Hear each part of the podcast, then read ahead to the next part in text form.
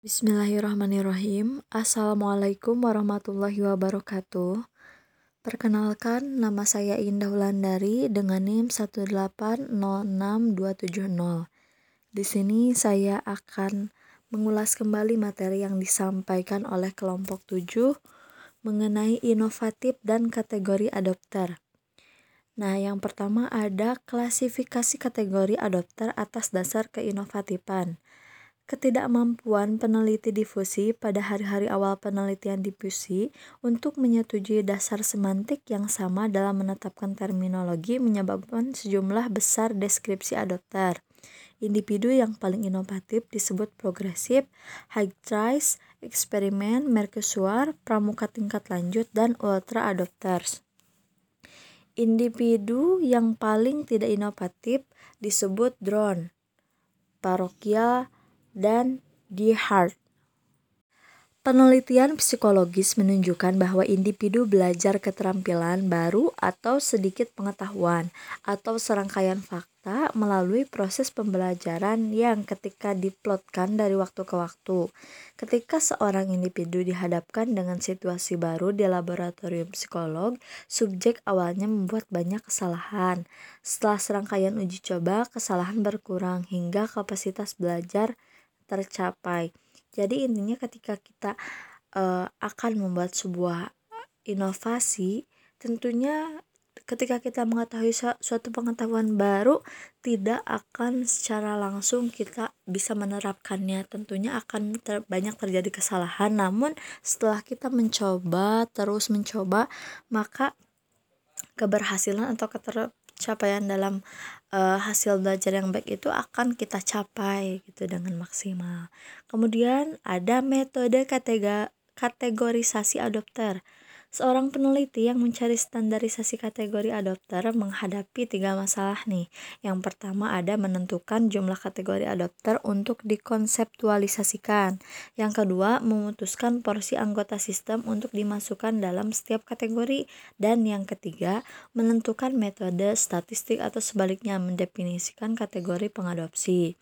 Nah, ada metode kategorisasi adopter uh, masih di metode kategorisasi adopter juga ya. Nah, sebelum menjelaskan metode yang diusulkan kategorisasi adopter, penting untuk menentukan karakteristik yang harus dimiliki seperangkat kategori. Idealnya, kategori itu harus yang pertama itu harus lengkap ya atau termasuk semua unit studi. Nah, yang kedua ada saling eksklusif atau mengecualikan dari kategori lain unit studi yang muncul dalam satu kategori. Dan yang ketiga berasal dari satu prinsip klasifikasi. Nah, selanjutnya ada kategori pengadopsi sebagai tipe ideal. Nah, inovator itu harus menjadi orang yang pemberani atau berani dalam menghadapi apa pun, berani dalam mencoba, berani dalam menghadapi kegagalan juga. Nah, pengamat telah mencatat bahwa keberanian merupakan obsesi para inovator. Mereka sangat bersemangat untuk mencoba ide-ide baru. Nilai yang menonjol dari inovator adalah berani. Dia menginginkan yang berbahaya, ruam yang berani, dan yang beresiko. Nah, inovator juga harus bersedia menerima kemunduran sesekali ketika salah satu ide baru yang dia adopsi terbukti tidak berhasil, seperti yang tak terelakkan terjadi. Nah, intinya kita tidak boleh takut gagal, kita harus terus mencoba dan mencoba gitu. Kemudian sementara inovator mungkin tidak dihormati oleh anggota lain dari sistem sosial. Inovator memainkan peran penting dalam proses difusi yaitu meluncurkan sistem ide baru dengan mengimpor inovasi dari luar batas-batas sistem. Nah, pengadopsi awal tuh bagaimana sih orangnya? Itu dihormati ya. Mengapa dihormati? Akan saya jelaskan nih. Pengadopsi potensial mencari pengadopsi awal untuk saran dan informasi tentang inovasi. Pengadopsi awal dianggap oleh banyak orang sebagai individu yang harus diperiksa sebelum menggunakan ide baru. Kategori H ini umumnya dicari oleh agen perubahan nih untuk menjadi misionaris lokal untuk mempercepat proses difusi. Kemudian ada orang-orang atau mayoritas awal itu disengaja. Nah, Mereka menyediakan interkoneksi dalam jaringan sistem. Mayoritas awal mungkin berunding untuk beberapa waktu sebelum sepenuhnya mengadopsi ide baru. Masa keputusan inovasi mereka relatif lebih lama dibandingkan dengan inovator dan pengadopsi awal. Mereka mengikuti dengan kesediaan yang disengaja dalam mengadopsi inovasi, tetapi jarang memimpin. Nah, selanjutnya nih, mayoritas akhir itu lebih kepada orang-orang yang skeptis. Mengapa? Nah, di sini mayoritas akhir mengadopsi ide-ide baru setelah rata-rata anggota sistem sosial. Inovasi didekati dengan sikap skeptis dan hati-hati, dan mayoritas yang terlambat tidak mengadopsi sampai kebanyakan orang lain dalam sistem sosial mereka melakukannya. Bobot norma sistem harus mendukung inovasi sebelum mayoritas terlambat diyakinkan. Nah, mereka dapat diyakinkan tentang kegunaan ide-ide baru, tetapi tekanan dari teman sebaya tetap ada nih. Kemudian yang terakhir sumber daya mereka yang relatif langka berarti bahwa hampir semua ketidakpastian tentang ide baru harus dihilangkan sebelum mayoritas akhir merasa aman untuk mengadopsinya. Kemudian ada kaum yang ketinggalan. Nah, itu biasanya disebut kaum tradisional.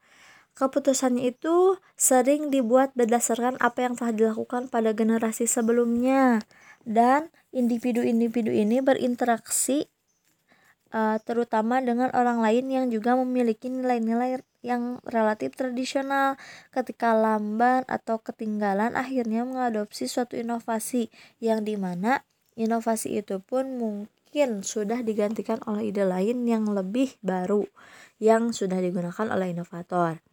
Orang lamban atau uh, ketinggalan cenderung curiga terhadap inovasi dan agen perubahan karena tradisional mereka orientasi memperlambat proses inovasi keputusan untuk merangkak dengan adopsi tertinggal jauh di belakang kesadaran pengetahuan tentang ide baru.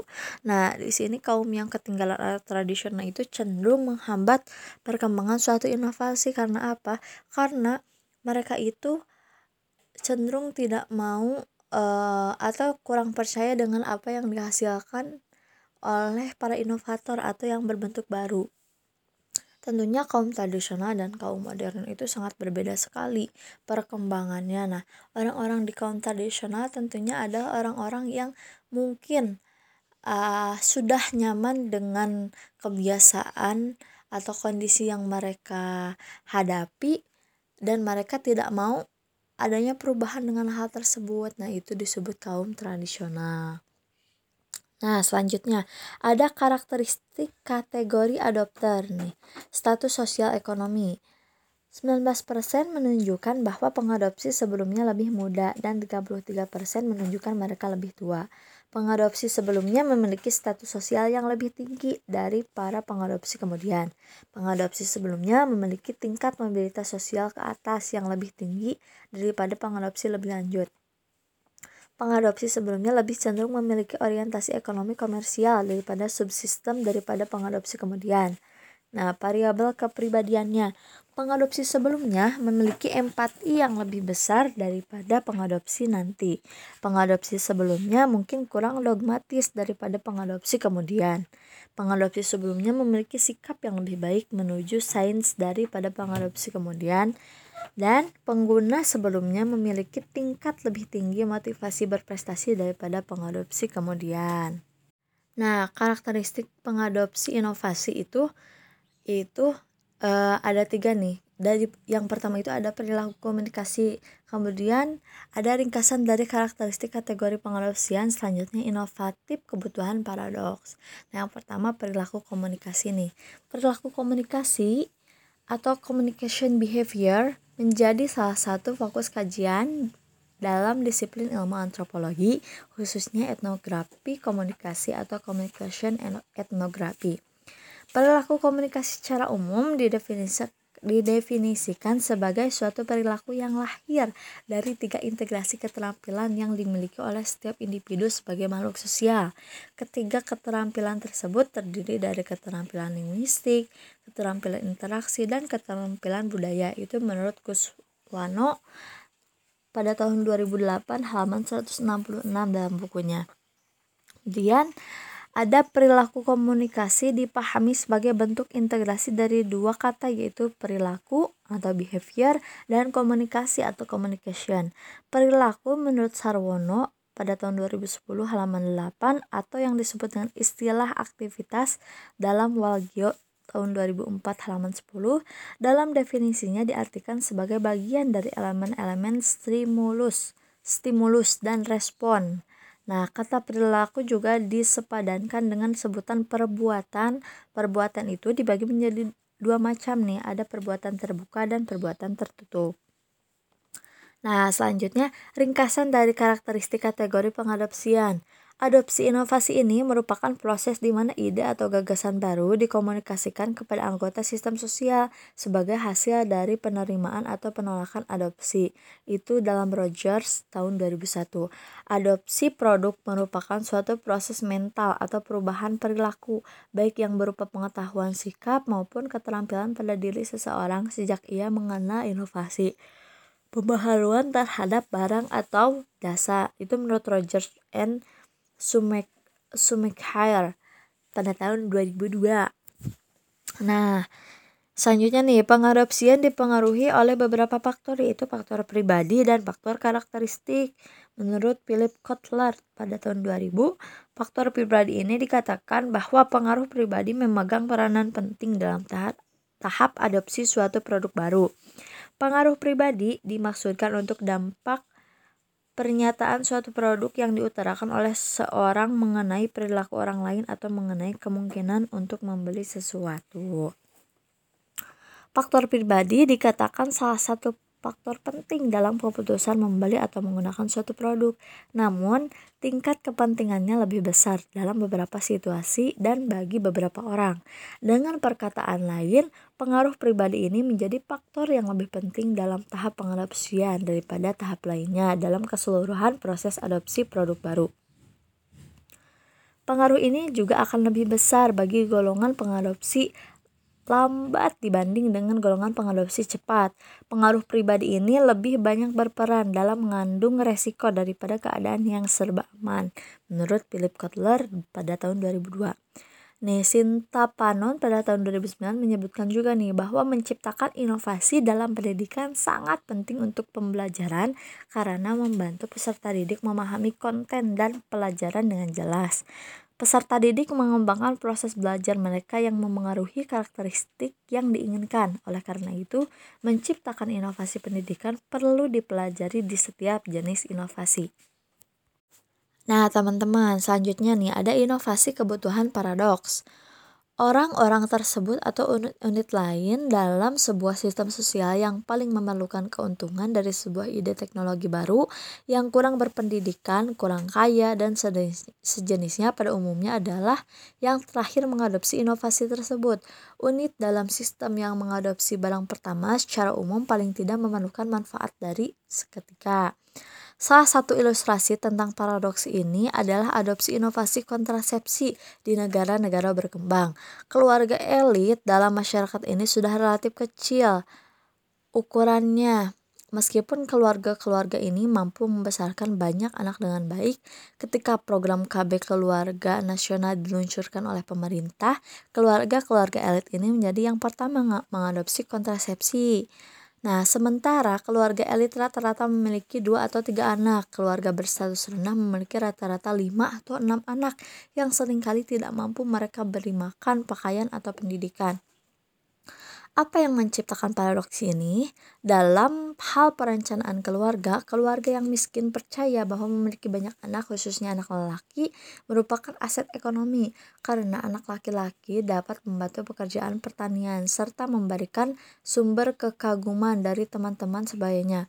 Oleh karena itu, para orang tua yang miskin tidak mempercayai para petugas yang memberitahu mereka bahwa keluarga kecil uh, tersebut adalah keluarga yang bahagia. Alasan kedua dari kecenderungan paradoks dari mereka yang paling memerlukan inovasi untuk mengadopsinya terakhir adalah bahwa agen-agen perubahan sering mengikuti strategi segmentasi yang paling tidak menolak karena mereka terutama menghubungi para elit sosioekonomi yang sering kali paling paling dari inovasi. Paradoks kebutuhan inovasi tidak perlu terjadi. Tentu saja, agen perubahan dapat melakukan strategi segmentasi perlawanan terbesar, di mana upaya komunikasi terpusat pada uh, substansi yang berada pada status sosial ekonomi terendah, yang merasa paling tidak memerlukan inovasi, dan yang akan menjadi yang terakhir. Nah, selanjutnya memprediksi inovatif dengan berbagai teknik korelasi. Variabel yang terdiri dari independen, karakteristik dari kategori adapter yang terkait dengan variabel inovasi. Banyak independen saling terkait satu sama lain seperti pendidikan dan status sosial, keduanya berhubungan positif dengan inovasi. Nah, korelasi bergandanya itu seperti apa? Nah, pro, produs eh sorry prosedur statistik yang dirancang untuk dianalisis dan menjelaskan varian dalam variabel dependen dalam komponen itu disebabkan oleh efek dari berbagai variabel independen. Nah, nah yang kedua korelasi bergandanya itu tujuan dari pendekatan korelasi berganda adalah untuk memprediksi varian maksimum dalam variabel dependen yang dalam kasus ini adalah inovasi.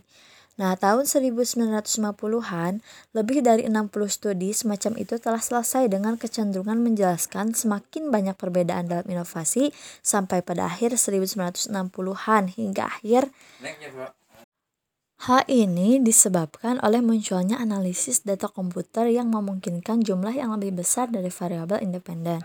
Variasi yang lebih besar dimasukkan ke dalam penelitian seperti ekonomi, dimensi sosial psikologis yang menunjukkan aspek sosial struktural. Nah, pada akhir 1960-an, Sejumlah analisis korelasi berganda terbuat dari inovasi organisasi, di mana tergantung variabel adalah sejauh mana suatu organisasi tersebut.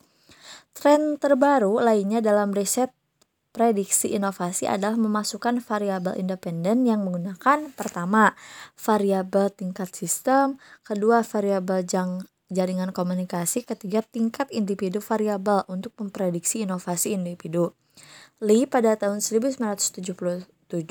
Menemukan bahwa level individu dan jaringan variabel lebih penting dalam menjelaskan inovasi individu dalam mengadopsi keluarga berencana daripada variabel tingkat sistem.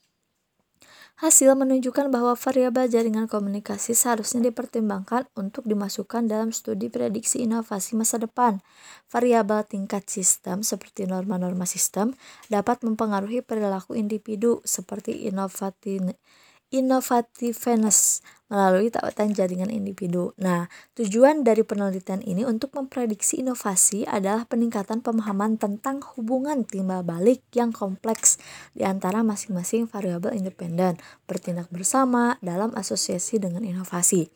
Nah, sampai saat ini penelitian difusi telah terlalu banyak berkonsentrasi kepada uh, pada penyelidikan karakteristik kategori, kategori pengadopsi, kemudian kepada dalam mempelajari berbagai variabel karakteristiknya agak terbatas. Nah, kita tuh terlalu uh, berkonsentrasi terhadap hal tersebut. Nah, penggunaan penelitian yang jauh lebih bijaksana sumber daya akan peng mengeksplorasi variabel independen lainnya di dalamnya hubungan dengan inovasi terutama variabel jaringan dan variabel tingkat sistem yang dapat membantu kita menghindari individualisme. Nah, kemudian ada simulasi komputer difusi inovasi. Dinamika difusi dengan pertimbangan waktu fleksibel yang disediakan komputer dimungkinkan untuk memadukan stasioner analisis dengan proses yang berkelanjutan dan menangkap yang penting variabel dalam aksi.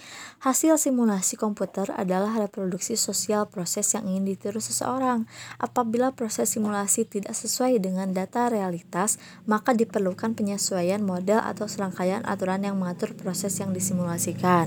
Nah, Thorsten Heijerstrand, seorang ahli geografi kuantitatif dari Universitas Land Swedia adalah bapak penelitian simulasi difusi. Nah, di sini ada contoh nih. Pendekatan Hegestran untuk difusi simulasi, proses dimulai dengan adopter pertama dari suatu inovasi. Aturan simulasi memprediksi bahwa pengadopsi berikutnya akan relatif homofil dengan pengadopsi sebelumnya dengan karakteristik personal ekonomi, sosial, aturan-aturan, Difusi di simulasi ini dilakukannya oleh program komputer yang mengulangnya dalam urutan generasi masing-masing. Di antaranya adalah periode waktu seperti satu bulan atau satu tahun. Kemudian, proses difusi simulasi dibandingkan dengan data tentang tingkat adopsi aktual untuk menentukan efektivitas model simulasi. Salah satu pemimpin intelektual kontemporer dalam penelitian simulasi difusi adalah Profesor Lawrence Brown dari Ohio State University. Hasilnya menunjukkan peran penting jarak spasial dalam difusi orang-orang dari suatu inovasi. Nonsografis sarjana difusi belum memberikan perhatian yang cukup terhadap ruang sebagai variabel yang penting. Wah, ternyata dalam membuat suatu inovasi itu perlu memperhatikan hal-hal yang secara detail mungkin kita tidak pernah memikirkannya. Namun, itu oleh para inovator atau para adopter itu sangat diperhatikan. Karena untuk apa? Untuk mencapai tingkat keberhasilan yang maksimal juga. Nah, ada pertanyaan nih dari Indah kepada uh, kelompok. Nah, mengenai uh, sasaran inovasi nih atau uh, kaum yang memang menghambat suatu inovasi itu berkembang. Salah satunya adalah kaum tradisional. Nah, menurut kelompok, apakah kaum tradisional itu dapat dihilangkan apabila dicap bahwa kaum tradisional itu memang sangat menghambat suatu proses inovasi. Nah, kan tadi sudah dibilang bahwa kaum tradisional itu memang kurang percaya gitu terhadap kita para inovator atau para orang-orang baru yang ada ke kehidupan mereka atau ingin mengubah suatu uh, kondisi di kehidupan mereka gitu. Nah, sedangkan uh, tradisional itu atau kaum tradisional itu sangat berpengaruh terhadap budaya. Perlu kita ketahui sendiri bahwa budaya di Indonesia itu adalah budaya yang sangat kaya dan budaya itu tidak boleh dihilangkan karena merupakan suatu kekayaan yang negara kita miliki. Nah, bagaimana cara kalian menyesuaikan uh, inovasi uh, yang kalian buat misalnya itu akan disalurkan uh, kepada kaum-kaum tradisional. Nah, ketika ada kaum-kaum tradisional yang tidak menerimanya, nah bagaimana cara kalian mengatasinya? Karena itu kan merupakan suatu proses penghambatan dalam pembuatan uh, inovasi yang akan kalian uh, maksimalkan atau kembangkan di kemudian hari. Mungkin hanya itu yang dapat Indah sampaikan, lebih dan kurangnya mohon dimaafkan. Wassalamualaikum warahmatullahi wabarakatuh.